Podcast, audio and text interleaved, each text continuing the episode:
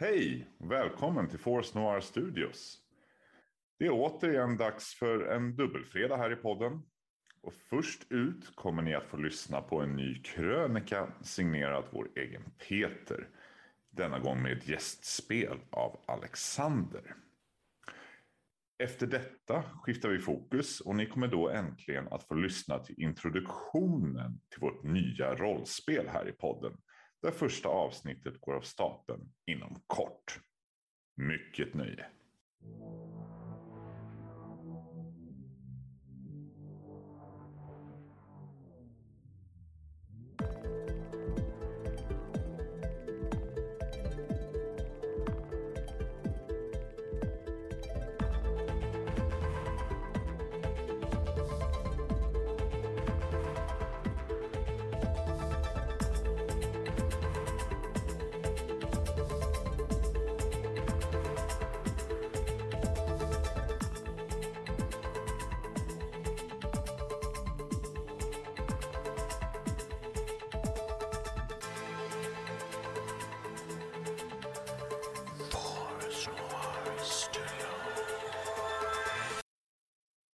Det var en sak som slog mig idag när jag var på väg hem efter att ha handlat på ICA Maxi.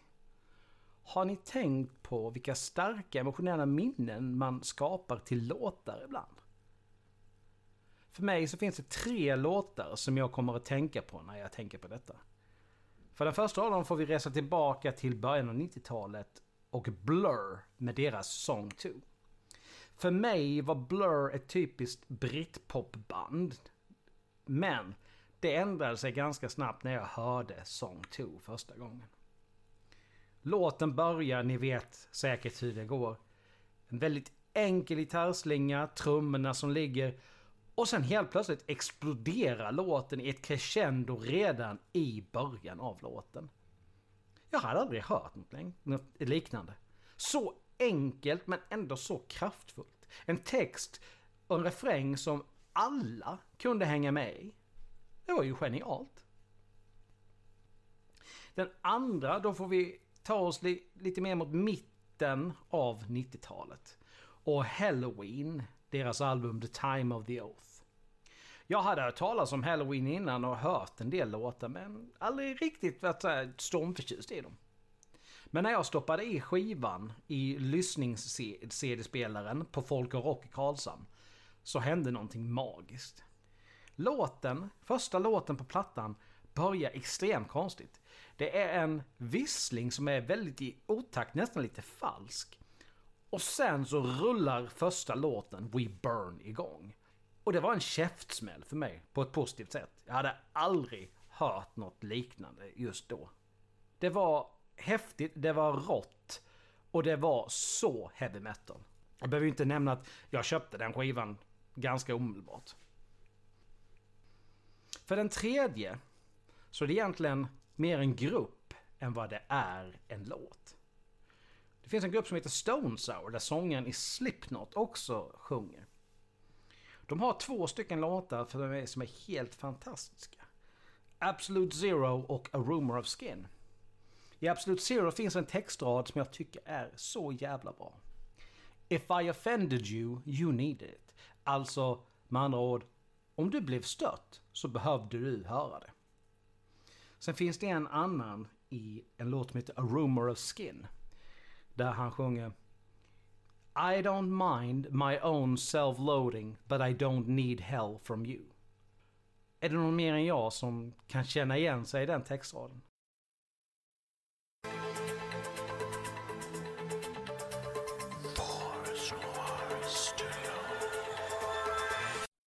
Hej och välkommen till en ny rollspelserie här i Force Noir Studios.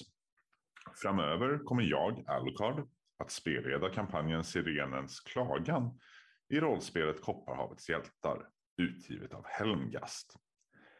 Mina spelare för denna kampanj är Alexander, som ni redan känner väl härifrån podden, samt nytillskotten Gustav och Peter, som ni kommer att få lära känna under spelets gång.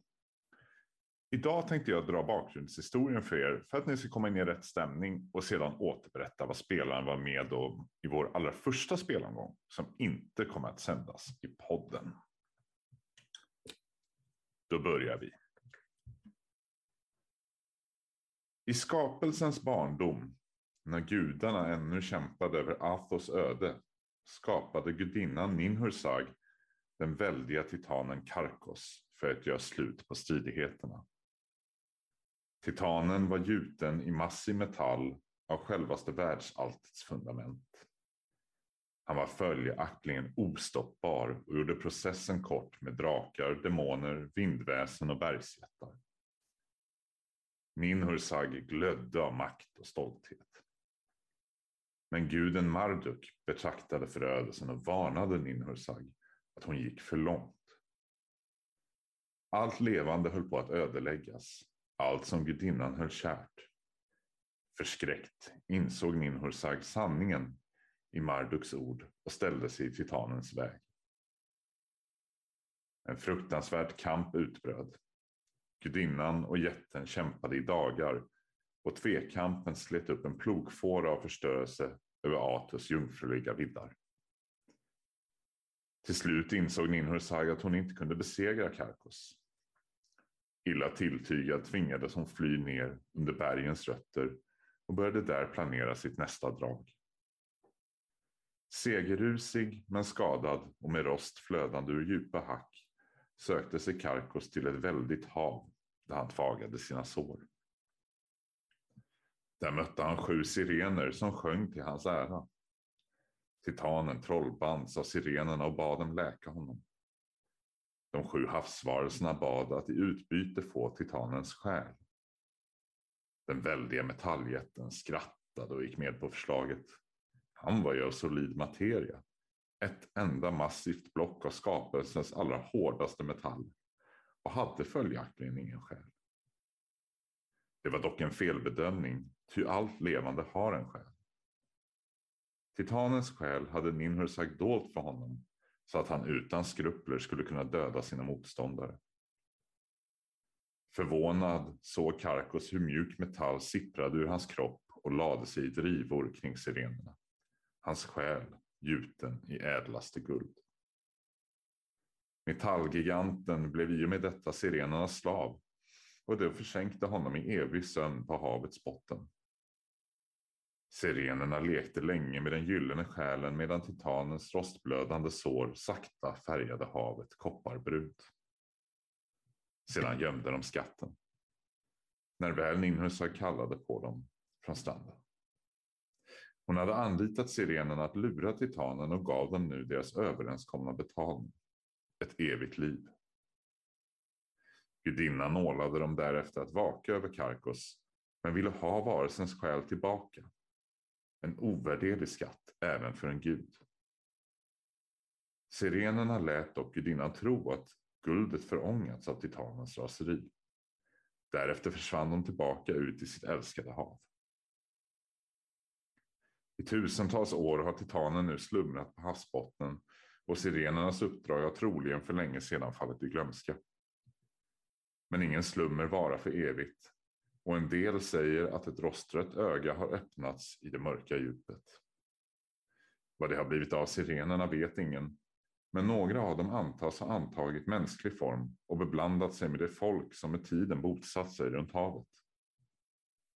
De sju systrarna är fortfarande de enda som kan kontrollera metalljätten och deras skatt lär fortfarande ligga gömd någonstans under vågorna. Så säger legenden om de sju sirenerna.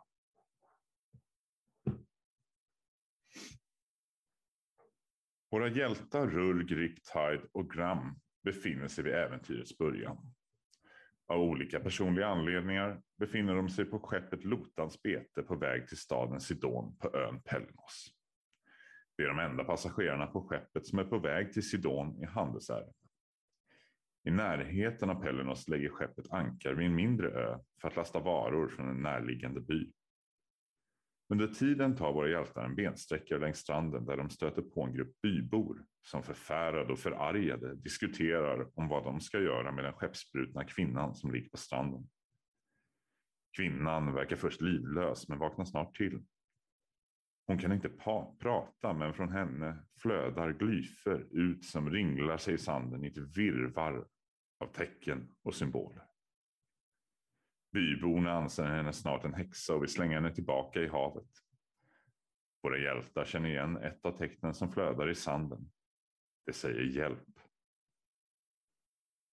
Våra hjältar motar bort byborna och räddar kvinnan som får talets gåva åter och förklarar att hennes namn är Oera och att hon är en av sju mäktiga systrar vars uppgift har varit att hålla Ninhursags titan i djup sömn i tusentals år. Denna sömn håller nu på att brytas och hon ber hjältarna om hjälp att finna hennes systrar för att åter sänka titanen i sin sömn. För detta lovar hon hjältarna det guld de länge bevarat som belöning.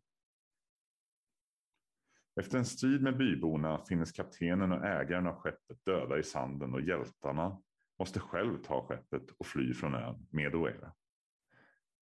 De anländer till staden Sidon där de på bryggan möts av en man som berättar för dem att Evin Tvenning har ett meddelande av största vikt till en kvinna vid namn Oera. Gruppen bestämmer sig för att undersöka men när de anländer till smedjan där Evin ska befinna sig så finner de henne död. Den stålarm som Evin hade verkar dock fortfarande vara vid liv och med hjälp av hjältarna skriver denna ned en rad kryptiska meddelanden som bland annat varnar dem för att Edsförbundet också är ute efter Oera.